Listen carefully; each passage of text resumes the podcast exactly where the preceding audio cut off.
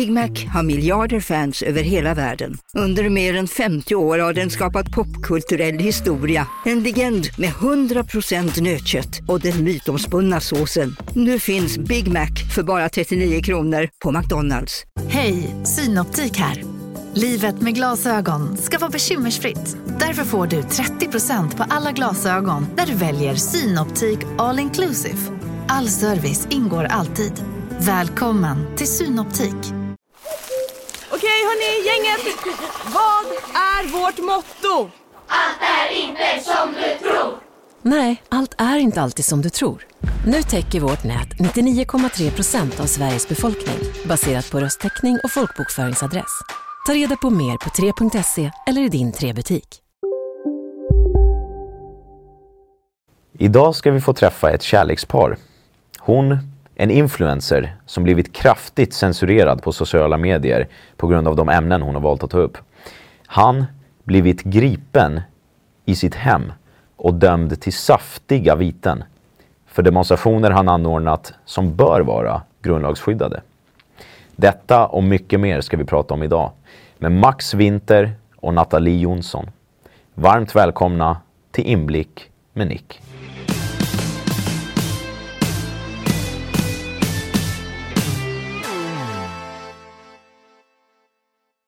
Ni är ju båda centrala personer inom eh, det som kallas för eh, frihetsrörelsen.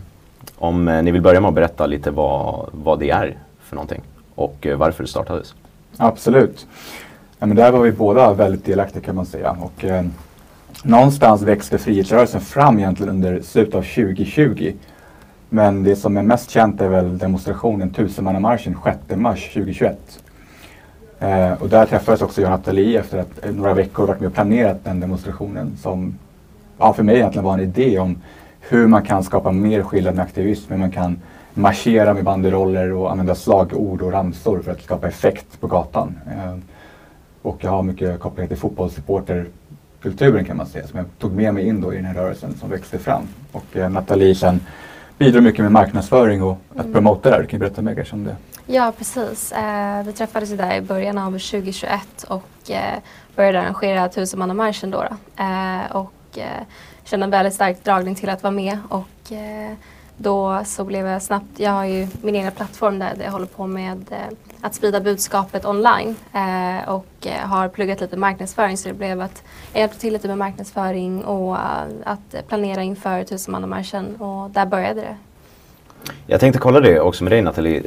Du har ju, eh, du är väl vad man kan kalla för en influencer och jag vet inte exakt vad mm. definitionen är men du har ju mycket följare på Instagram exempelvis. Hur har det påverkat sen du kom in i de här frågorna? Var det något du, hade du mycket följare innan eller kom det mest efter det här? Ja, jag hade ju en del innan. Eh, då var jag en vanlig influencer. Eh, gjorde samarbeten och you name it. Eh, och sen så började jag, gjorde jag en totalvändning och började sprida mer liksom, budskap om sanningen och åsikter som inte är så ehm, allmänt vedertagna som sagt. Ehm, och till en början så droppade ju då väldigt många av. Eh, väldigt mycket hatstormar. Jag började också ganska tidigt när väldigt få pratade om det här. Um, men sen helt plötsligt så kom det fler och fler och fler som började se och jag tror att genom att också ta initiativet och våga prata om det här uh, så vågade fler också göra det och det blev som ringa på vattnet. Och ett halvår senare så hade det uh, dubblats uh, med väldigt många som också ifrågasatte och blev inspirerade att kanske våga göra det själva en dag. Och, ja. Mm. Så det droppade lite till en början och sen så Precis. märkte du hur det kanske kom en annan publik Exakt. till dig. Mm. Okay. Eh, du kom in eh, lite på det eh, själv Max. Jag har ju också en eh, bakgrund inom eh, supporterkultur, eh, hockey då eh, mm. däremot. hur ser det ut med det idag? Är det någonting du fortfarande är aktiv i? Så ja, precis. Um, inte på samma sätt. Um, jag kan väl säga att under 2020 när man förstod mer om världen kanske man kan säga. Man, man vaknade upp till någonting och det här har gått för mig kanske i steg redan 2010 så förstod jag att det är mycket korruption och att kanske inte det vi tror alltid är det som är det som styr och ställer. Eh, och under den processen har jag liksom mer och mer förstått att vi lever i ett korrupt system, en matrix brukar man beskriva ofta.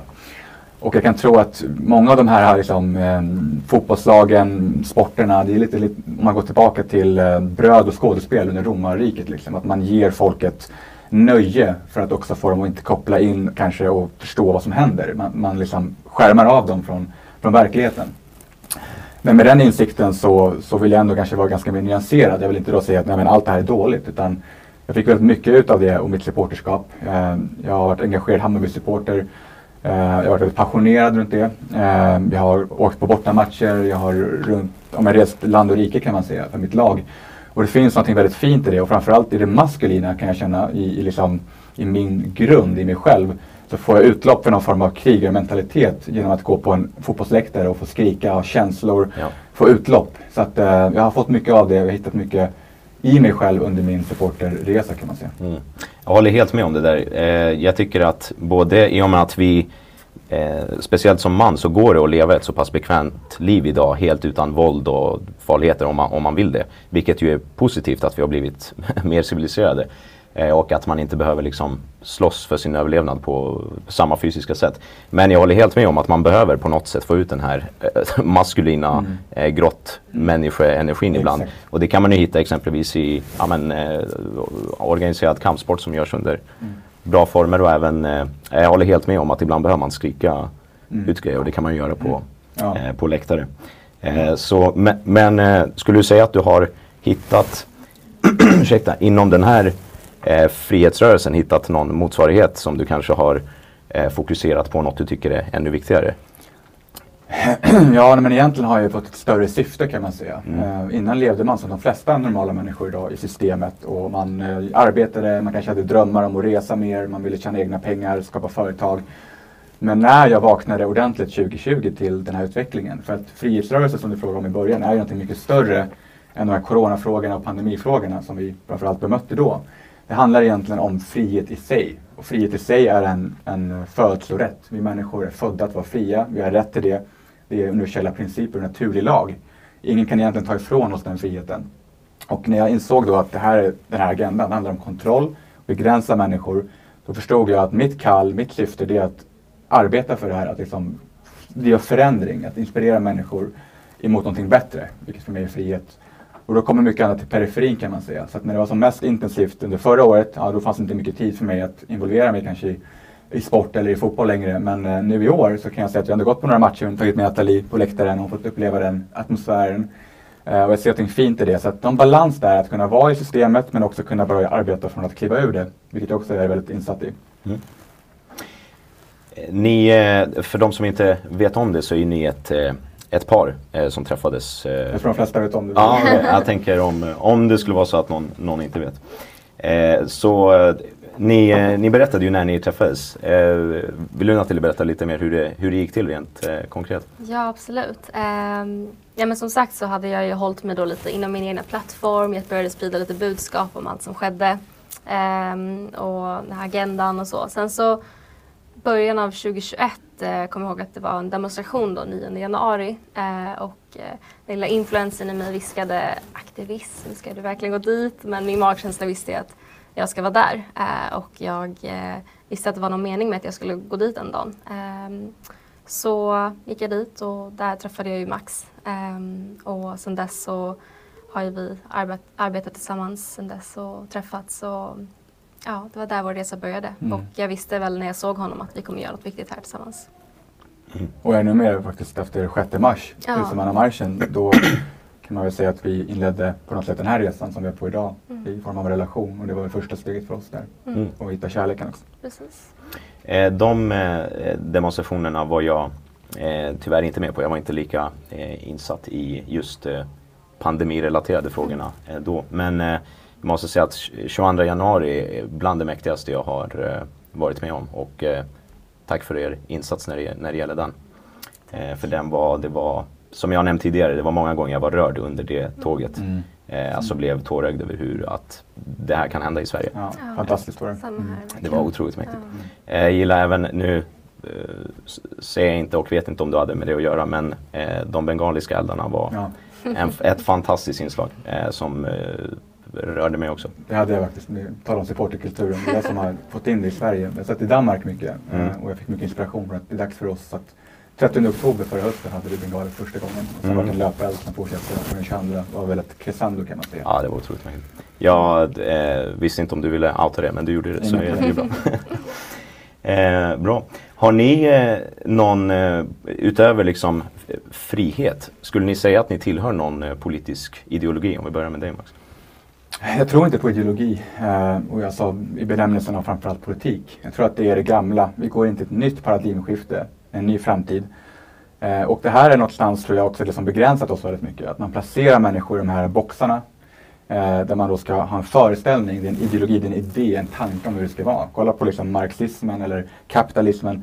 Att man bara har ett sätt att se på saker. Och idag tror jag att finanseliten och de här bakomliggande makthavarna har sussat in människor kan man säga på olika sätt i de här lådorna. Eh, även religion kan jag säga eh, är en, en aspekt där man kan begränsas. Jag tror mycket på spiritualitet, att det finns en högre makt än Gud. Eh, jag tror också att det finns filosofi och tankar som är bra. Men när vi börjar utgå från vårt mentala tillstånd och inte har en koppling till någonting högre i naturen än oss själva, då går vi vilse.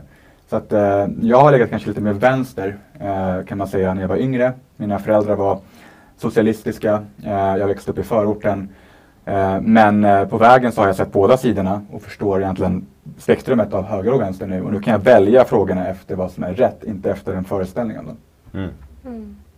Nathalie? Ja, ja, han sa precis allt jag hade tänkt säga. Jag Mm. håller helt med där. Och att eh, jag började känna där när jag vaknade att ehm, jag var ju, innan jag vaknade så var jag väldigt intresserad av samhällsfrågorna. Så då var jag inne i politiken men det var aldrig någonting som riktigt resonerade med mig. Så när jag började se vad det är som sker i världen och eh, förstå hur det här systemet är uppbyggt och eh, vad politik egentligen är så såg jag att det är ett medel för att splittra människor. Och eh, det gäller även många ideologier att eh, sätta oss i boxar och labels och ehm, ja, söndra och härska på ett sätt skulle Mm. jag vilja säga. För jag har ju hört er eh, prata om att ni inte är politiska utan att ni är för eh, frihet. Eh, Skulle ni eh, hålla med mig om att frihet, att vara för frihet är eh, politiskt? I alla fall Eh, idag. Absolut. Och även det vi gjorde med frihetsrörelsen är ju politiskt i ett avseende av att vi liksom var kritiska mot eh, pandemihanteringen och coronafrågorna. Ehm, så det finns alltid en politisk koppling ofta till saker i samhället. Men det handlar väl mer om att redan från början hade jag en vision om någonting nytt, någonting bättre än det här. Och jag var ganska tydlig med det att men vi ska inte liksom gå in och, och försöka förändra egentligen så mycket i samhället då, utan vi ska leda människor ur samhället. Vi ska skapa någonting bättre. Men jag kanske var lite naiv där i tidsramen av hur det här kommer hända. Jag tror att det kommer kanske ske under en 10 till 15, 20 års period. En större förändring i samhället som kommer förändra allt. Men just nu är vi bara i början av den förändringen och vi måste fortfarande använda och förstå systemet idag. Och det är därför vi också engagerat oss politiskt efter det här. Det kanske du kan prata lite mer om det, men eh, vi har ju känt att det finns ändå någonting i det här att komma inifrån och göra förändring. Exakt, att eh, vi behöver vara liksom de som går in i det och förändrar det inifrån. Vi kan inte bara hålla på här utanför för då kommer vi aldrig få med oss folket på ett sätt. Vi behöver också nå folket. Eh, och, eh, det är inte politik i sig och att vara kritisk och liksom, de här samhällsfrågorna som jag personligen liksom har någonting emot. Det är snarare det här att försöka splittra, polarisera och så. så att, ja. Mm. Eh, på, jag vet ju att ni har gjort olika saker för att eh, påverka systemet så som systemet eh, är uppbyggt. Liksom. Mm. Hur, eh, eh, vad gör ni för, eh, för det i, i nuläget? Vad är det senaste så att säga? Ja, men på tal om det här med, med politik så började vi engagera oss båda två politiskt i början av det här året, 2022. Ehm, och det var egentligen kopplat mycket till de här coronafrågorna, vaccinpassen som var aktuella i samhället under vintern här. Och med politiskt menar du eh, partipolitiskt? då? Ja, partipolitiskt var det För, då. för jag anser att ni har varit politiska hela tiden. Ja, precis. Ja. partipolitiskt kan Ja. man säga. Men också med kanske ett nytt sätt att göra det på. Mm. Ehm, det är det jag menar med att vi inte är politiska heller. Utan vi, vi gör inte inom ramen av vad folk traditionellt gör politiskt. Utan vi Nej, skapar precis. kanske ett nytt, nytt ehm, eh, paradigm här också. Ett, liksom, ett skifte ehm, där vi eh, är ganska innovativa. Och vi skapar någonting som, som behövs och som inte kanske bara går i linje med hur andra alltid gör saker. Många fastnar oftast i föreställningen hur man gjort innan. Men man måste också vara pionjär och göra någonting nytt. Mm. Så att, eh, det blir kanske en liten release här idag, ett släpp. Eh, det har gått lite rykten om det här, men vi har ett parti på gång. Och det kommer lanseras efter valet, men vi kommer ha en smyglansering här på Bokmässan eh, i augusti nu. Och det namnet kommer vara Partiet Frihet då. Eh, och där kommer vi göra saker på ett väldigt nytt sätt kan man säga. Vill du tillägga någonting om just Partiet Frihet och vad vi kommer stå för.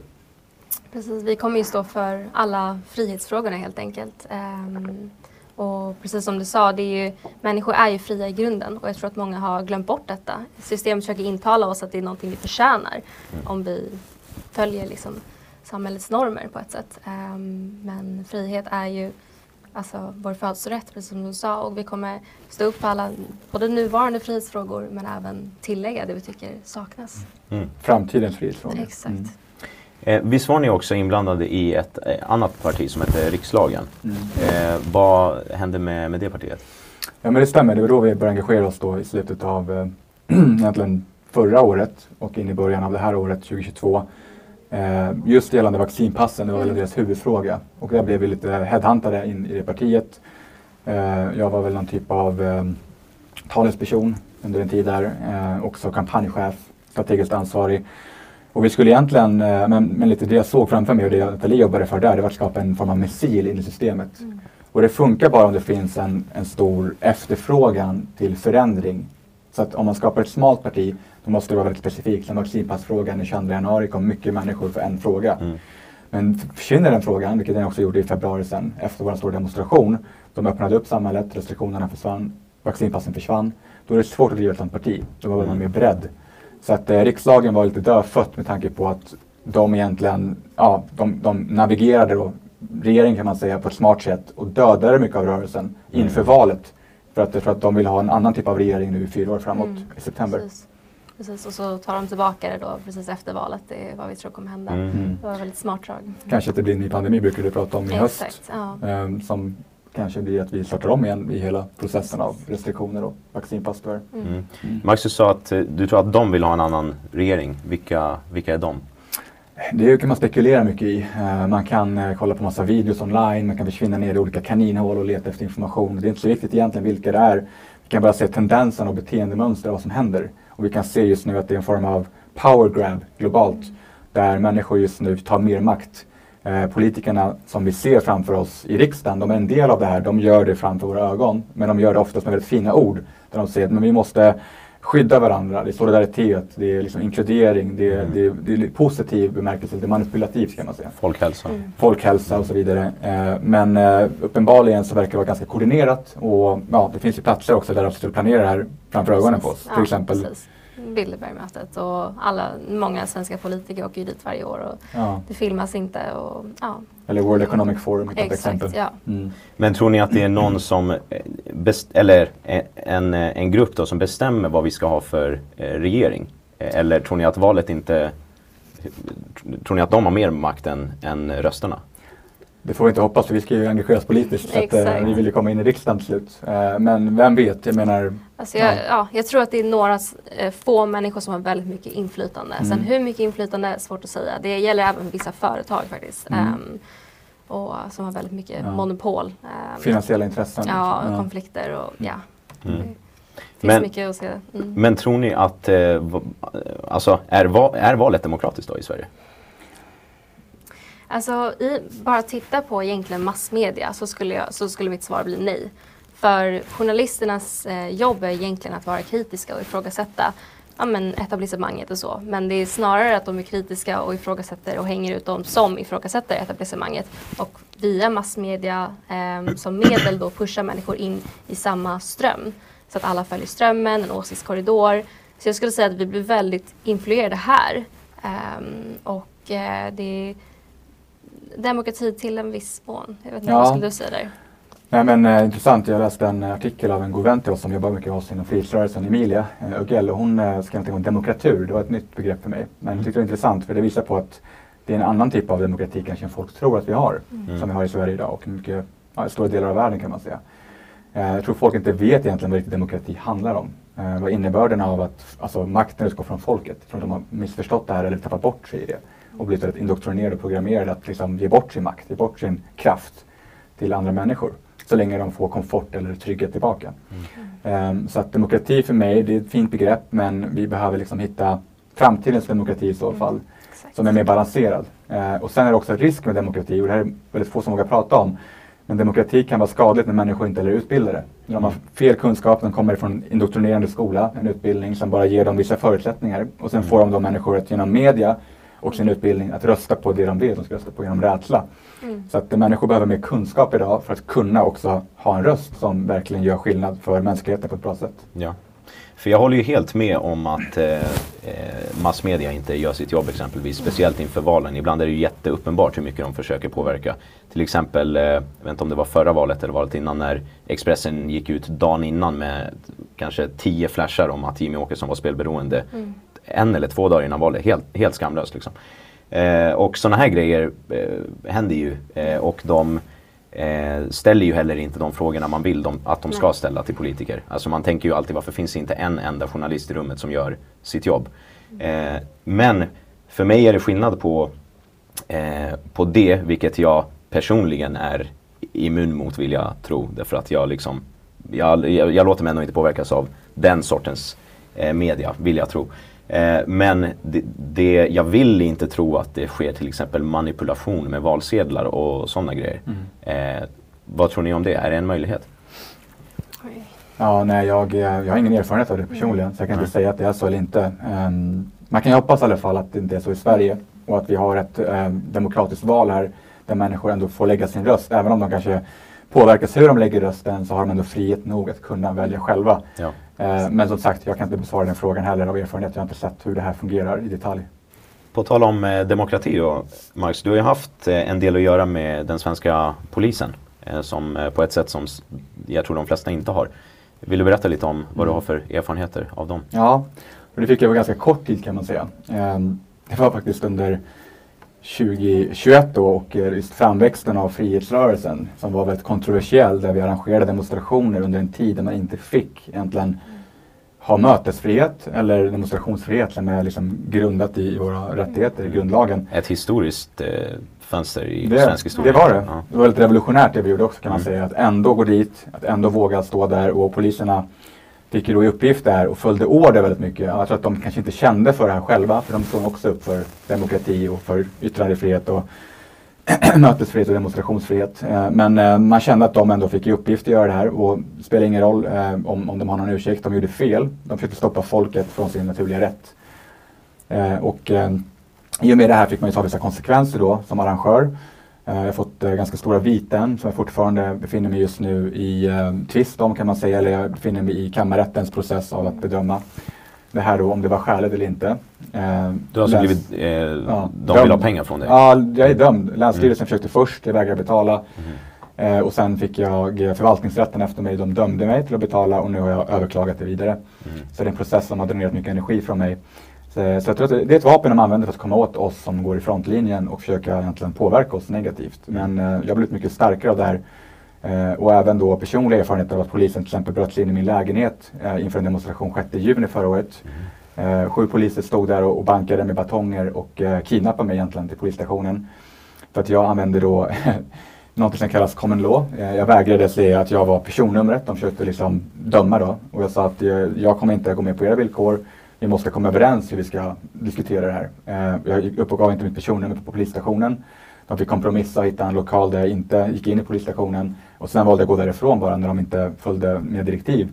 Eh, och jag körde stenhårt på det, för jag är inte under någon lag. Det finns inget dokument där det står att jag ägs av några myndigheter eller systemet eller makthavarna.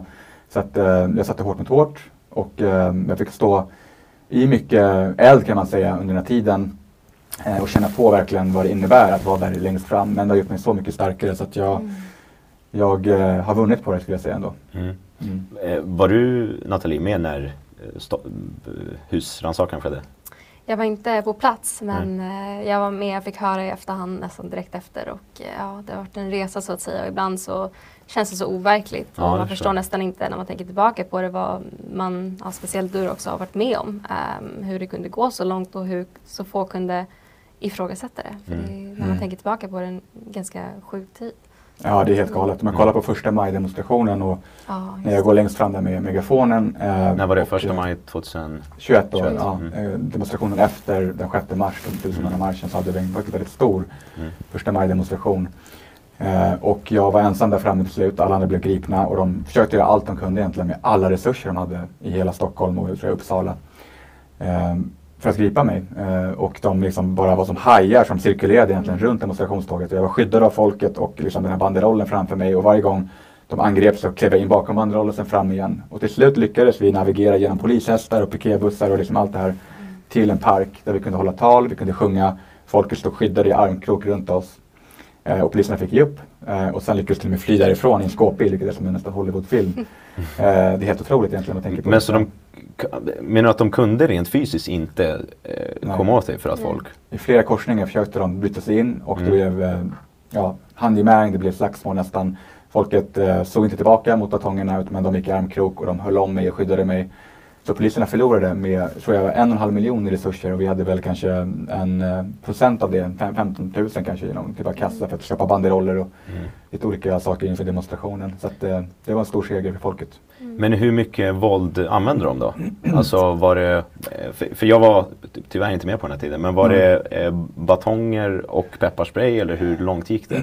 för det känns ju som att om de skulle använda allt de har så borde det gå. Ja, och det här är en viktig regel. Det här lärde vi ut också i det här Freedom Defense Sweden som jag eh, grundade under förra året. Eh, det var att vi inte skulle slå tillbaka om de slår oss. För det finns en regel för poliserna att om en demonstrant slår polisen, då får de använda våld som motsvar. Men ingen av demonstranterna har någonsin gjort det. Eh, pepparspray användes också den 6 mars. Du var väl med där när jag blev gripen innan Ja, det? precis. Det, det var ju så kul också hur de försökte få det att se ut på media som att vi hade startat igång det och att eh, vi hade typ sprayat pepparspray på någon polis men det var ju en polis som råkade göra det på sin kollega eh, och vi hade bara försökt försvara oss. Det stod åtta Ehm, skadade poliser i tidningen exakt. dagen efter men inte vad de var skadade av. Det Nej. var när pepparsprayen blåste tillbaka till deras ansikten. Exakt. Ja. Eh, så att, eh, nej, men det här var också verkligen en seger. Tusenmannamarschen då, då blockade, blockerade de oss på Guldbron eh, och vi stod kvar. Vi ville inte ge oss. Det var vår rätt att liksom gå över. Så att, eh, till slut så gav de sig efter att de hade försökt starta igång och ehm, Ja men inte slagsmål men nästan. Eh, Mm. Så slutade de till slut och bara lät oss gå. Eh, De fick vika sig egentligen. Ja, de fick vika det är sig därför exakt jag för vi stod på oss. Jag var så noga med det här med tusenmannamarschen, tusen personer. Jag hade erfarenhet innan av att vi misslyckades när vi var hundra personer, för då hade de för mycket resurser. Men tusen personer, där går gränsen någonstans. För där kan man sätta hårt mot hårt, man kan pusha igenom. Och även 6 juni sen lyckades vi skydda oss själva genom att också gå i armkrok, eh, på Gärdet var det då.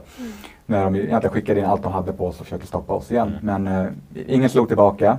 Vi skyddade bara folket och varandra och därför kunde de inte heller använda våld. Man har sett i andra länder, framförallt kanske Holland och så, att de, de springer runt med batongerna från polisens håll. De slår hej vilt, de kör över människor. Där är vi inte i Sverige idag och det måste man ändå ge eh, heder för till poliskåren att de inte bryter de här gränserna eh, och skadar människor, kanske i onödan ändå. Men de har gått alldeles för långt vid flera tillfällen och gjort övertramp och det minns alla aktivisterna fortfarande. Frihetsaktivisterna kommer aldrig glömma det tror jag, som var med under.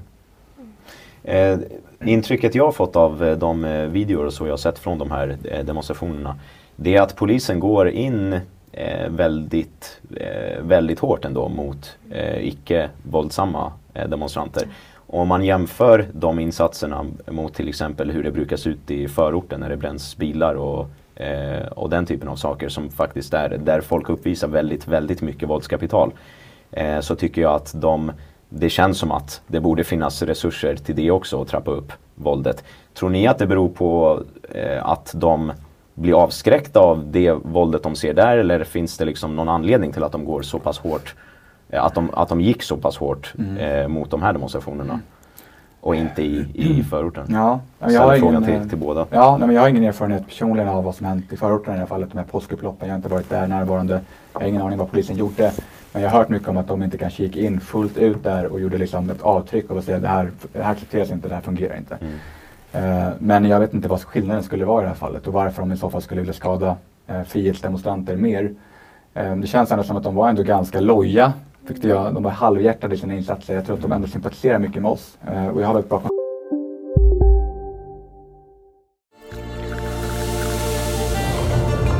Välkommen till Maccafé på utvalda McDonalds restauranger med Baristakaffe till rimligt pris. Vad sägs om en latte eller cappuccino för bara 35 kronor? Alltid gjorda av våra utbildade baristor. Hej Sverige! Apoteket finns här för dig och alla du tycker om. Nu hittar du extra bra pris på massor av produkter hos oss. Allt för att du ska må bra. Välkommen till oss på Apoteket. Ni är med om det största. Och det största är den minsta. Ni minns de första ögonblicken. Och den där blicken gör er starkare. Så starka att ni är ömtåliga. Men hittar trygghet i Sveriges populäraste barnförsäkring. Trygg Hansa. Trygghet för livet. kontakt med polisen idag i form av dialogpoliserna som har varit med under den här resan. Och vi samarbetar mycket just nu. Eh, och jag tror mycket på samarbete, jag tror mycket på enighet. Och jag tror att många av dem också sympatiserar med oss mer än vi tror. Och att så länge vi kan öppna dörren ändå och bjuda in för samtal och inte stänga så tror jag att vi kanske kan bygga en framtid där till och med vi har myndigheter och liksom myndighetligt över på vår sida. i det här. Ja, jag tror ju personligen att det kanske handlar väldigt mycket om order ovanifrån. Eh, för att våra åsikter var inte tillåtna så att säga. Så att man försökte göra allt för att stoppa oss och tysta ner oss. Eh, och eh, det, jag tror att eh, många av dem hade de här eh, orderna på sig men kände in ändå i magkänslan att det var något som var fel. Att det inte stämde och att de, de inte resonerade med det. Eh, Mm. Så att de gick in halvhjärtat och hade svårt att göra det. Eh, jag vet en kompis som berättade för mig att hon blev bortförd då från platsen. Hon, ja, de körde ju bort människor hela tiden och plockade upp dem. Eh, och där berättade hon och förklarade lite liksom, om vad det är som händer och hur kan ni göra så här? Det här är yttrandefrihet, vi har ju rätt till att demonstrera. Eh, och det gick så långt att polisen sa, ja, vi håller med er men vi kan inget göra, Mm. vi har order. En ganska intressant eller rolig anekdot om det just för att vid tusenmannamarschen vid Guldbron där Nathalie var kvar bakom banderollen och jag ledde den och så blev jag gripen. Eh, och det var det här PL13, de fick bara föra bort oss och sen släppa Ja. av oss någonstans. Men poliserna som tog mig, de sympatiserade inte med sina order. De skulle släppa mig på Djurgården egentligen. Men de släppte mig vid Bichelli Park. Mm. Vilket är precis där vi skulle egentligen avsluta demonstrationen i Kungsträdgården. Så jag kunde bara Och det visste de om kanske? Det kanske de Alltså- visste det och lät mig ändå gå av där. Och när jag sen ställde mig där ensam eh, vid Karl XIIs eh, staty där så såg jag demonstrationståget komma från Guldbron liksom borta vid slottet där, Slottskajen och det var en sån otrolig vy att bara se att folket bröt igenom och sen fick vi ändå avsluta det. Och det känns som att de ändå var en del av att det skulle hända och att de sympatiserade med oss redan där. Det är ju så, om eh, viljan finns eller om viljan inte finns så går det ju faktiskt att göra saker även om man har order. Eh, så att order, eh, eh, ja, ni är säkert också trötta på att höra den frasen att men det, det är mitt jobb. Mm. Det, Ja, det, går, precis. det går att göra grejer även, om, även om det är ditt jobb. Så länge, vi, ja, förlåt. Ja, men så länge vi samtycker till det då kommer det fortgå. Det, det slutar Ja. när vi säger nej. Mm. Och det finns en högre moralisk aspekt här också man ska ta med i beräkningen. Det är den de måste fokusera själva i sig själva. Precis. Är det rätt att göra det där eller ska jag bara lyssna på min chef? Liksom? Exakt. Eh, Det moraliska går först. Det är det de egentligen har svurit på också som poliser. Mm. Eh, ja. Och det valet har man ju alltid. Ja, Eh, alltid. Även om det finns konsekvenser så finns det ju fortfarande det finns ju konsekvenser oavsett vad du väljer att göra. Fri vilja. Precis. Eh, du var inne på det själv Max, Freedom Defense Sweden eh, har ju va- varit en, eh, ja, men jag skulle säga viktig del av de här demonstrationerna. Vad är den gruppen för något? Ja, men I början var det egentligen ett, ett eh, gensvar på liksom, den här utvecklingen när poliserna fick stoppa oss då under 2021. Tusenmannamarschen lärde oss mycket. Vi såg då att äh, de gick på oss väldigt hårt som vi varit inne också på i den här intervjun. Äh, första maj var vi redo för det. Då var vi eh, liksom organiserade med en grupp män som skulle kunna hantera det här. Och den 6 juni hade vi också stor framgång just på grund av det. Eh, det var också hade med oss ett annat gäng som eh, ja, men av gruppmän kan man säga, som också var med och skyddade folket kan man säga. Och det hände också den 22 januari. Vad är det för annan grupp? Eh, nej, men jag behöver inte gå in på vilken grupp det är, men, men de skyddar i alla fall folket. Det finns videos på det när de står i armkrok. Eh, de här personerna kanske också har hållit på med fotbollskultur innan kan man säga. Eh, de var med den 22 januari och de gick längst fram eh, från olika supportergrupper, olika klubbar. Fast de enades för folket, för att skydda folket. De använde inget våld i onödan. De, de skadade ingen, de skyddade människor. Eh, och FDS i, i linje med det, precis samma sak. Eh, Förlåt, var, var de här grupperingarna alltså flera eh, supportrar från olika lag? Alla de större som, klubbarna i som Sverige. gick, eh, som gick ihop? Ja, för första gången kan man säga. Fint ju. Det är historiskt. Eh, Och det visar enigheten och styrkan av det och att så många olika grupper kan enas över rivalitet till och med. Ja. För att stå upp för varandra, för folket och för friheten. Och jag skulle gissa att det var en kategori av supportrar som är eh, i vanliga fall kanske inte är jättefredliga mot varandra. Det kan man spekulera i. Ja. Det kan man, okej. eh, Okej, FDS alltså. Det startades av, eh, av dig som jag förstår. Ja, jag var ju väldigt delaktig i starten av det på grund av att jag var i Danmark Mm. eh, under eh, 2020 då i slutet och deltog på lite demonstrationer och fackeltåg. Mm. Och de hade ju en mycket värre utveckling kan man säga tidigare i Danmark än vad vi hade. Och där växte ju det här Men in Black fram. Eh, och de använde också bengaliska eldar som jag är van med från supporterkulturen och det var en viss energi jag drogs till där. Det var väldigt liksom ehm, ja, men det, var, det var en stark, man accepterar inte det här, man, man säger nej. Det är också en väldigt maskulin energi. Inte det här, ja men vi går med på det här och så står vi här på torg och allt är kärlek och allt är ljus och allt är positivt. Mm. Det måste, ibland också måste man säga ifrån. Ja. Eh, och jag kände att om vi ska kunna möta det här nu, den här utvecklingen, då måste vi också kunna göra det med den energin. Säga att stopp, här går gränsen, vi, vi går inte med på det här. Så att vi behövde skapa en, en liksom motsvarighet i Sverige. Eh, och då kom det här begreppet freedom defense, för det ska vara försvar. Det är också en eh, universell princip. Man har rätt att försvara sig själv. Det är som en mobbare i skolan. Vem var det som började slagsmålet? Var det mobbaren eller var det den som blev utsatt? Mm. Den, det ligger ansvaret på den som slåss först, den som slår först. Ja. Försvar har man alltid rätt att göra som människa, om någon angriper. Och vår frihet var under angrepp. Så Freedom Defense och sen Sweden blev ett självklart namn. Och, mm. I början var det en jättefin grupp män som kom samman. Vi hade mycket cirklar, vi delade mycket sår med varandra. Vi var väldigt vulnerable kan man säga, väldigt öppna. Vi hjälpte varandra, vi backade och stöttade varandra. Och eh, idag kan man väl säga att det har tagit en annan riktning. Innan var det lite kanske mer aktivistiskt skulle jag säga. Det var det som var min intention. Men det blev mer och mer en säkerhetsgrupp. Eh, och idag är det väl mer kanske att man går runt med gula västar, man har strategier och liksom hjälper demonstranter eh, mer som funktionärer kanske. Eh, och eh, det behövs också. Så jag tror verkligen FDS har en viktig roll i det här i framtiden och det finns en anledning till att FDS drivs vidare nu av väldigt bra personer egentligen som eh, vill väldigt väl för människor. Nathalie, vad är din bild av FTS? Har du något att tillägga? Ja, alltså, jag var med där i början när Max startade upp det och eh, det är väldigt fina män och eh, väldigt många får oftast fel bild av dem för att det såg lite hårt ut i början med den där liksom, loggan och det här med försvar. Det är väldigt många som också inte förstår det här med självförsvar. De tror att det är något negativt, eh, att det står män där längst fram och liksom redo att skydda folket men det är en positiv sak det här med självförsvar om man följer natural law. Um, så nej men alltså det är väldigt fina män som vill tjäna syftet och eh, skydda friheten. Mm. Mm. Så behöver mer av det och jag kan också tillägga att vi har startat en ny grupp faktiskt som heter FAS, mm. Frihetsaktivister Sverige. Det kommer vara en mera kanske aktivistbetonad grupp eh, med kvinnor och män som vill samma sak, som är passionerade för de här frågorna och som verkligen vågar gå längst fram med en megafon i handen och liksom göra skillnad i den här tiden nu som vi ska in i. Mm. Så vi behöver skapa olika um, grupperingar kan man säga, uh, som kan stötta och hjälpa varandra. Och framförallt då i demonstrationssyftet här, att, att vi kan genomföra säkra demonstrationer och vi kan skydda människorna som deltar.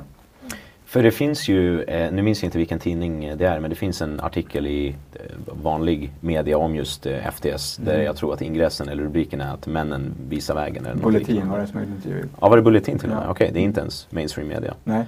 Eh, och eh, där får jag intrycket av att det är väldigt mycket fokus på att det är just män och det liksom utmålas som något problematiskt. Eh, är det bara män som får vara med och i så fall vad är anledningen? I början kan jag säga att det, det stämmer, det var bara män i början. Um, jag byggde det här från liksom olika föreställningar om hur man kan bygga en organisation, lite av en faktiskt hierarki när det väl kommer till snabba beslut i stunden. När det är liksom akut, det är kritiskt, det är skarpt läge. Mm. Någon måste vara en ledare, någon måste kunna ta order eh, och ge order. det säga. behövs befäl liksom? Befäl och vi skapade en hierarki där vi satte ut kaptener och, och vi satte grupperingar och grupper och vi hade också prospects i början där man fick visa framfötterna. Och vi ville få in ganska liksom, mentalt starka män, stoiska män som kunde ta en batongsmäll i ansiktet och ändå stå kvar där, inte reaktiv, inte rädd och ändå kunna skydda dem runt sig, vilket är väldigt maskulint. Så att eh, principerna var protect, provide and serve.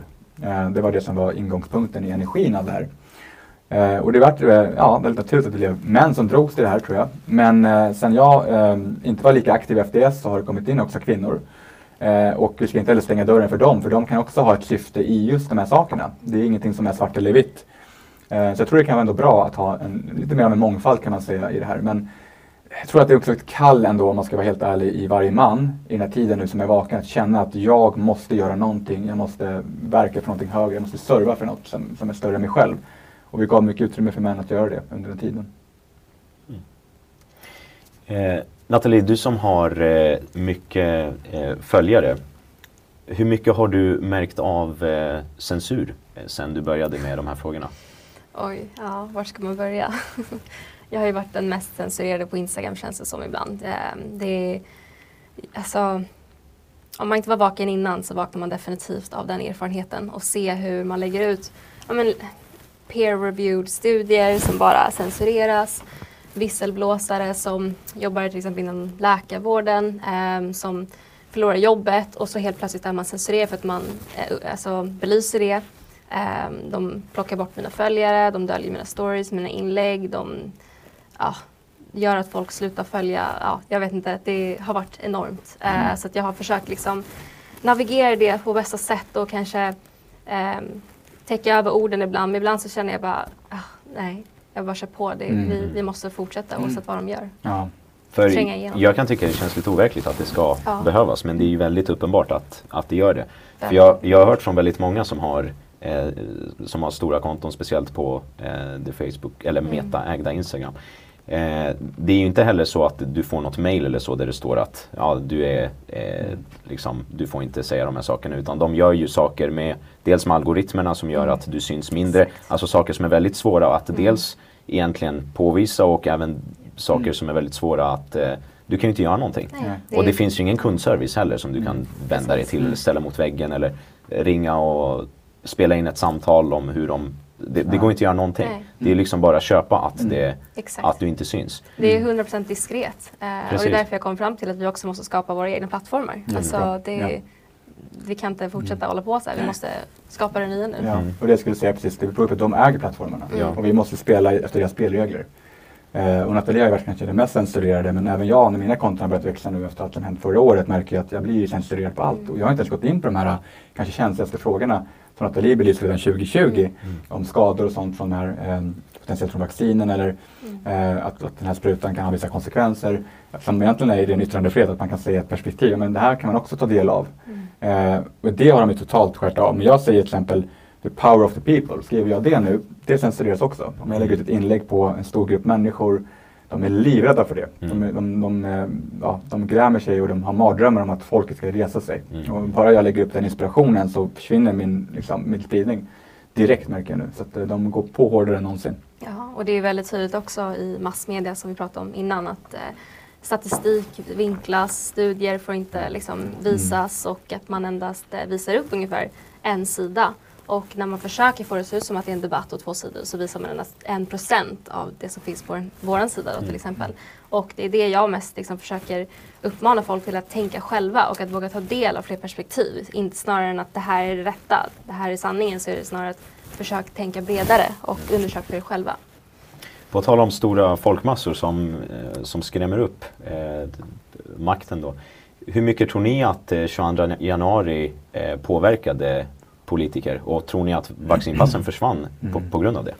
Jag tror att det var flera orsaker till det, Mm. men det var en väldigt stor faktor. Absolut. För jag vill också tro det. Ja men det, det tycker jag var tydligt för de flesta. Vi hade en, en, en stor fest efter det här kan man säga och för att fira den här segern precis när vi fick reda på att de skulle tas bort med vaccinpassen och restriktionerna. Det är lite anmärkningsvärt med den här båtfesten som vi också hade i december, Aftonbladet var där och intervjuade oss. Och då sa de, "Ja, men vadå, har ni fest här? Ja, vi är 80 personer. Ja, det kan man inte ha. Och sen gick det en och en halv månad och så hade alla fester med 100 personer överallt och då var det ingen som sa någonting. Nej, såklart inte. Ehm, så att eh, det var liksom som ett narrativ som sprack. Det gick inte längre att upprätthålla det här. Folk köpte inte det längre. Och när vi visar att vi är så många, att vi är folket som står bakom det, då, då måste de manövrera efter det. Och eh, nu, nu krattar de manegen bara inför valet. De tog bort all energi runt det här. Och nu måste vi återskapa kan man säga rörelsen. Mm. Precis, för vi vet att det här inte är slut än. Det är inte slut på långa vägar. Vad tror ni om eh, framtiden då? Vad tror ni kommer att, eh, kommer det bli eh, värre, bättre? Kommer det, komma, kommer det här hända igen eller är vi klara med det här nu? Ja, jag är ganska säker på att vi inte är klara med det här och att eh, förmodligen så kommer en ny form av pandemi. Ehm, det börjar pratas om monkeypox men jag tror även det kan dyka, dyka upp Marburg. För eller, ja, men det är en annan form av virus då Mm. eh, som de börjat spela redan på eh, nu, det narrativet. Men, eller att då, det blir covid-19 igen. Men en till pandemi tror jag vi har framför oss och sen även eh, de kommer att eh, ta in andra former av liksom, restriktioner och saker som inskränker på vår frihet via eh, klimatkrisen. Eh, Nästa grej, 2025. Och ja, det, är- det är fler saker vi har framför oss där vi kommer se ett allt mer eh, liknande kontrollsystem eh, med skynket den fjärde industriella revolutionen. Mm. Eller the great reset med en ekonomisk Mm. omstart. Mm. Och Kollaps. mycket teknologi och AI en del Mm. av det här. Ja. Eh, Man kan se att alla de här eh, liksom, agendorna de korrelerar med varandra ganska mycket. De tar Mm. oss alla i en viss riktning. Liksom. Och det är mindre frihet och mer kontroll Mm. för några få människor. Och det är det som är oroväckande. Eh, och som du sa, det här monkeypox, det kommer väldigt lägligt nu. Eh, för de flesta är ganska trötta på det här med covid-19. De kan rotera de här sprutorna vidare. De, folk måste ta boosters och allt det här. Det rullar ändå på. Men nu måste något nytt problem dyka upp. Det är alltid problem, reaktion och lösning de utgår ifrån. Och nu är det här väldigt eh, ofarligt säger man, men ja, sen kanske det muterar, ett nytt eh, virus dyker upp, ett ny strain dyker upp av det här monkeypox, sen kanske det blir HIV av det, vem vet? Eh, immunförsvaret verkar ju vara någonting de vill angripa på olika sätt. Så att eh, vi får nog se ganska mycket redan i höst tror jag, i den här utvecklingen. Eh, men vi kommer stå redo att bemöta den när det väl händer.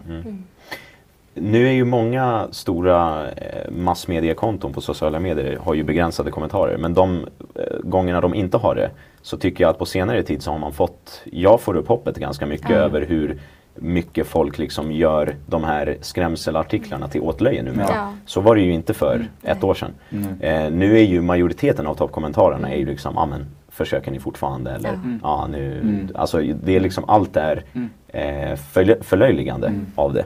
Och jag tycker att det, alltså jag kan se dem där ibland och bli riktigt, riktigt glad Mm. över att så Mm. pass många ändå eh, verkar ha fattat att det, det, det finns en eh, anledning till att de här artiklarna kommer och varför de kommer, när de Mm. kommer Ja. och så vidare. Jag tror att när det, de håller på för länge så börjar folk känna av det till Mm. slut. Folk Ja, börjar precis. känna in magkänslan, men nu är det något konstigt Ja. Exakt, Ja. nu, nu försöker ni dra det för långt. Ja, Precis. exakt. De drar det för långt. Ja, och det växer fram en form av intolerans mot det här. Ja. Och det är precis det som är problemet innan, för mycket tolerans. Mm. För de riktar sig till människors hjärtan. Mm. De säger sympati, hjälp andra. Ja. Så de öppnar upp människor till att, ja men jag vill klart hjälpa min farmor eller äldre eller de här människorna i samhället som kanske har det svårare. Man, man liksom manipulerar människor att utgå från någonting positivt för sig själva som de tror är bra. Mm. Men det kanske inte alltid är det. Och det här gör att man blir tolerant och accepterar allting. Och ta vaccinet för andras skull och inte för sin egen skull. Exakt. Vilket jag Ja. aldrig har hört om något Ja. vaccin tidigare Ja. i hela mitt liv. Nej. Och i natural är det en väldigt feminin energi. Man, man är accepterande, man är tolerant, man inbjuder, man accepterar saker. Men nu börjar folk känna en intolerans. Det börjar skifta, pendeln går tillbaka nu. Och folk säger nej, stopp, det här är nog, vi vill inte höra om det här viruset längre, det, har varit för mycket av det. Mm. Och de kan inte köra samma liksom, broken record oändligt. Nej. Då måste de uppfinna ett nytt problem. Och det är det de har gjort nu. Precis, och saken med det här med intoleransen också att ehm, eller toleransen, när väldigt många accepterar det som skedde, det är också i kombination med att de öppnar upp våra hjärtan med att eh, de sänder ut väldigt mycket skrämselpropaganda och får oss att hamna i ett läge av survival. ehm, där också amygdalan aktiveras och vi tappar det logiska tänkandet. Så de kan ju använda saker som att vaccinera dig för din farmors skull. Mm. Men så finns det inga studier som helst som bevisar att det här stoppar smittan. Utan de, har, de säger det liksom öppet att det Ja. stoppar inte smittan. Nej. Så det finns ingen logik bakom det. Och det är ganska stor skillnad på hur det såldes in från början Mm. jämfört med hur det såldes in på slutet, eller nu. Precis, och i början där när vi då berättar vad som kommer hända, då kallas vi för konspirationsteoretiker och massmedia skriver så här, ah, det här kommer aldrig hända. Liksom. Men sen så sakta men säkert börjar de bjuda in det och skapa rum för det i media och bygga upp det narrativet. Så när det väl händer, då är det ingen som tittar tillbaka och ser att vi hade rätt. Utan då har de Precis. byggt upp narrativet så länge att folk accepterar det. Mm. För det är liksom ständig programming och propaganda. För i början var det ju ingen som sa att det här inte skulle stoppa smittan utan vaccin skulle ju vara lösningen. Mm. Och eh, ta vaccinen så slipper vi restriktioner. Sen vaccinerade sig 85% av befolkningen. Mm. Men vad fick vi då? Restriktioner. Ja. De första, vi hade inte haft restriktioner innan. Mm. Så fick vi det plötsligt. Eh, vaccinpassen, vilket är bland Mm. det, alltså det var overkligt. Jag kunde inte gå på hockey. Nej. som jag gjort hela mitt liv. Och bara det fotboll var, liksom, det var- Ja, precis. Ja. Och bara det var ju, alltså, Mm. det var verkligen overkligt. Det var Jag, verkligen- jag försökte kan jag säga. Mm. Mm. Försökte olika metoder. Ja, ja det, det måste man ändå göra men, eh, men, eh, nej, men det är lite av en så här boiling frog metodik här. Kan man Mm. säga. Vi kan ofta prata om det. Att det är liksom en, en, em, en smygande liksom, kan man säga, agenda. Eh, om man hade presenterat för oss 2018 att ja, men 2021 eh, och 22 då kommer samhället vara begränsat med vaccinpass. Ni kommer inte kunna röra er fritt. Ni kommer Mm. inte kunna demonstrera 2021. Ni kommer inte ha yttrandefrihet på olika plattformar på samma sätt. Ingen skulle tro på det. Det skulle vara 1984 George Orwell liksom, direkt. Eh, men när man gör det här successivt, man matar in steg för steg, man accepterar mer tolerans. Man bara okej, men jag tar en liten bit till, en liten bit till. Jag får mer trygghet, mer säkerhet. Det gör att människor till slut säljer sig själva. Mm. Eh, och det är vi har sett hända nu, att, att liksom, det, det har blivit eh, en, en obalanserad kan man säga situation. Där eh, människor egentligen tappar, liksom, tror jag, ja, men de, de köper rädslan. De, de tappar någonting högre och de, de bara går med på att eh, myndigheterna får göra så här. Det, exakt, det sker så långsamt också att man inte Mm. märker vad som sker förrän det nästan är för sent. Just. Och det sa jag ganska tidigt 2020 där. Att eh, var försiktiga, liksom, se efter vad de gör nu för att ni, ni kommer inte märka det om ni inte verkligen tänker efter och Mm. försöker dyka lite djupare än bara det allmänt vedertagna, det som sänds i massmedia. Eh, för att eh, man inskränker aldrig på alla våra rättigheter all at once utan man tar en och en Mm. tills vi inte ser, oj hur hamnar vi här? Och precis som en eh, groda skulle hoppa ur en kokande liksom, kittel så skulle den ligga kvar Mm. om det blir ljummet först och sen blir varmare successivt Mm. långsamt. Så att de har en väldigt psykologisk aspekt i det här. Det är en form av psykologisk krigsföring skulle jag säga. Absolut. Hur tror ni att eh, min kanal kommer påverkas efter den här intervjun med er?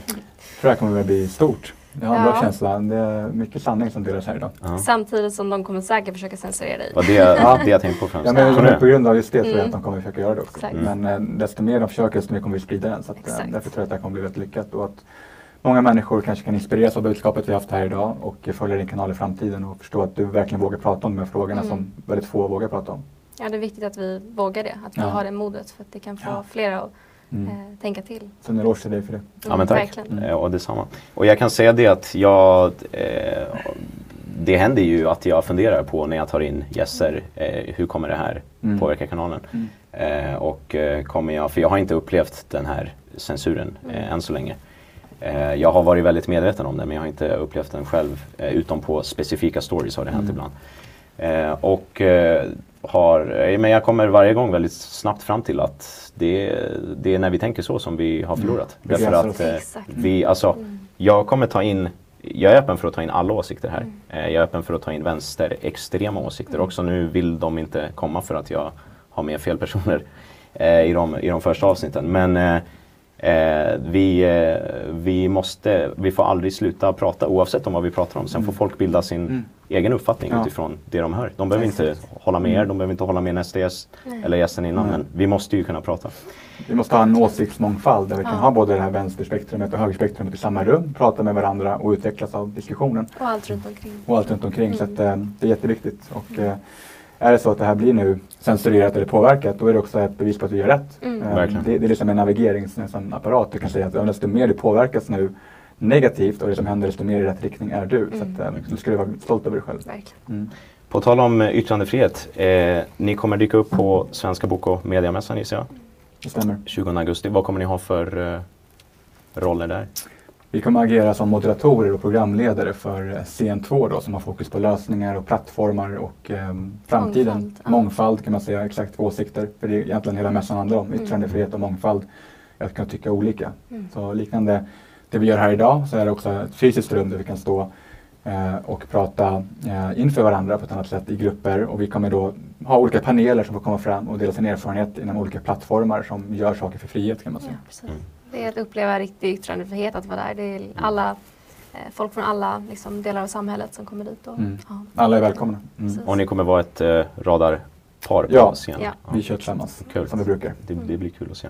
Eh, varför är det viktigt att komma dit då för de som inte har bestämt sig ännu? Men det är för att de här frågorna är viktigare än någonsin, även om det kanske är lite lugnare just nu. Vi har gått ner lite av en energimässig lågsäsong kan jag uttrycka mig om egentligen eh, under sommaren här framförallt. Mm. Så kommer frihetsfrågorna och yttrandefrihet i, i centrum vara de största frågorna i den värld vi är på väg in i just nu. Så att redan nu tror jag att det är bra att ta position där. Det är bra att liksom, eh, våga komma dit som vi precis pratade om och liksom själv eh, stå upp för det på ett sätt genom Mm. att inte vika sig för rädsla. Så att, eh, ja, men det, det är verkligen en uppmaning till alla som Verkligen. som vet vad, vad som händer egentligen just nu, att de vågar göra saker och inte begränsar sig. Mm. Precis som den här Jan Emanuel hoppade av Ja. bokmässan för att Expressen och Expo gick ut och började svinga om att ja, men det är folk med vissa åsikter där och han direkt vek sig bara. Mm. Och gick ut och sa att det här, vi kan inte ha en sån kultur ehm, där någon bara kan knuffa bort oss hur lätt som helst och bara blåsa bort oss och flyga ut som ett asplöv. Utan vi måste stå kvar, stå fast och hålla linjen liksom, tillsammans. Och som jag sa på Twitter, jag tycker väldigt bra om Jan Emanuel och har tyckt att han säger bra saker fastän han kallar sig socialdemokrat. Eh, men eh, jag var väldigt besviken på det här. Eh, på hur han eh, Mm. valde att eh, agera här. Därför att jag menar Expo, en eh, radikal vänsterextrem, delvis organisation med våldskopplingar. Mm. hänvisas till som att de är någon, någon sorts fakta. Mm. Och, och de säger att ja, men det är högerextremister och Mm. folk som uppmanar till folkmord och jag vet inte Mm. vad. Ja. Och han bara, ja jo nej men det, jag, jag hoppar av då. Ja. Alltså, Ja. Om vi skulle tänka så så skulle vi inte kunna göra någonting överhuvudtaget. Eh, och det är, jag tycker det är väldigt svagt. Speciellt när man är ekonomiskt oberoende som ju han är. Det är Mm. inte så att hans liv skulle bli de, det går inte cancel honom Då med måste det man ha kapitalet. högre ideal som man står för. Och Precis det jag skrev i en debattartikel. Att är du en riktig demokrat? Frågar jag honom. Ehm, Kan du verkligen stå upp för riktig yttrandefrihet när du så här lätt viker dig för, som du säger, Expo i det här fallet? Och det är inget fel att, att liksom granska eh, olika sidor. Expo är journalistik, men Mm. de är tyvärr i hur de agerar korrupta tycker jag. För att Och de är ju inte fakta framförallt. Nej, det är vilket inte de fakta. behandlas De som. försöker liksom koppla Mm. frihetsrörelsen och använder guilt by association att ja, men, fem personer i en demonstration hade den här åsikten och tycker en hel rörelse att den är, den, den är legitim. Det där är, så att, det är ett vapen de använder och det är ingen slump att det dyker upp i Expressen. Att de, att de egentligen är lite här på sidan och sen så fort någonting ska användas emot någonting då lyfter de in dem där och så trycker de på att ja men kolla de här, de här ska vi cancellera, de här ska vi eh, liksom skuldbelägga eh, skamma kan man säga nästan. Mm. Och människor viker sig så lätt för det i dagens kultur i Sverige. Och vi måste bryta den kulturen och vi måste nu skapa en ny kultur Mm. där vi vågar ha olika åsikter och uttrycka oss och utvecklas av varandra. Folk är ju livrädda för att hamna utanför värmen. Ja. Så vi behöver ju en ny värme. Det är en överlevnadsinstinkt. Ja. Så plattformar, rörelser, nätverk, allt det här för framtiden med gemenskap. Det är det vi egentligen framförallt står för med frihetsrörelsen. Mm, Vi samlar människor för frihet. Finns det någon gäst ni önskar att jag bjuder in? Ni får gärna säga varsin. Ehm, ja, en gäst. Har du någon i åtanke? Jag har en väldigt klok kille som heter Bassem som är, är väldigt ifrågasättande, har mycket bra att komma med. Um, Mm. Kommer inte ihåg efternamnet nu men Nej. ja. Ja, kolla det jag sätter dig i kontakt med honom. Jag håller med. Jag, jag instämmer på den Mm. eh, punkten där. Han är en klok och eh, väldigt um, vass kille som, Ja. som eh, kan komma med bra argument och också öppna perspektiv för människor. Mm. Mm. Kul. Kommer ni ihåg första gången eh, vi träffades? Alla Ja. tre. Det var det. på bokmässan. eh, Nej, Nej, det var tidigare. Det var- Du kommer ihåg? Rökruta. Ja, exakt. Ja, men på Sturecompagniet. Exakt. Ja, men det, det pratade vi om. Och, Var det, eh, var det innan då, bokmässan? Det var ja. ganska kort innan bokmässan. Ja, okej. Och eh, jag kände igen, igen er, ni visste inte vem jag var då. Eh, och eh, jag var inte eh, 100% nykter. Och jag kom fram till er och sa att eh, jag måste ge er en eh, kram bara och ni vet varför. Mm. Eh, och jag, jag sa inget mer än så. Eh, och ni fattade ju varför och vi Ja, kramades. Så det var, ja, men det var, det var lite, Ja. lite eh, en fylle-aura på det men det var också, eh, det var, det var verkligen menat. Och jag vill eh, Det kände vi. Ja, ja men Ja. fint. Och jag vill verkligen eh, tacka er för allt ni har gjort och att ni orkar och att ni vågar. Eh, Det är eh, alltså en enorm eloge för det och jag respekterar det Ja. otroligt mycket. Stort tack, för det. Eh, Och eh, tack så jättemycket för att ni kom hit. Stort tack. Eh, väldigt kul att prata med er. Tack. Och vi ses på, på Bokmässan. Det gör vi. Och eh, tack för att ni har lyssnat och kollat.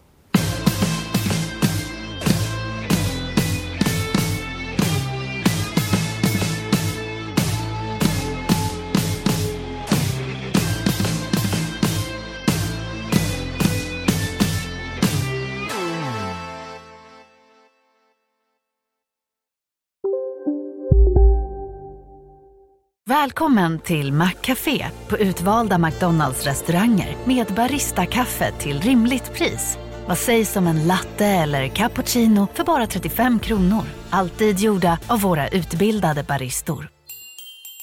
Hej, Susanne Axel här. När du gör som jag och listar dig på en av Krys vårdcentraler får du en fast läkarkontakt som kan din sjukdomshistoria. Du får träffa erfarna specialister, tillgång till lättakuten och så kan du chatta med vårdpersonalen. Så gör ditt viktigaste val idag, lista dig hos Kry.